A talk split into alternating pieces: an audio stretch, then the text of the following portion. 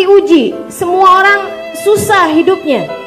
Mau jadi seperti apa engkau jika kemudian ingin hidupmu itu tidak mendapatkan ujian, tidak mendapatkan kesulitan? Tidak jadi masalah datangnya ujian tersebut. Tidak akan membuatmu menjadi hina datangnya ujian-ujian tersebut. Masalahnya adalah bahwa jangan pernah menyerah. Sebab itu adalah cara Allah untuk menaikkanmu. Itu adalah cara Allah untuk menguatkanmu.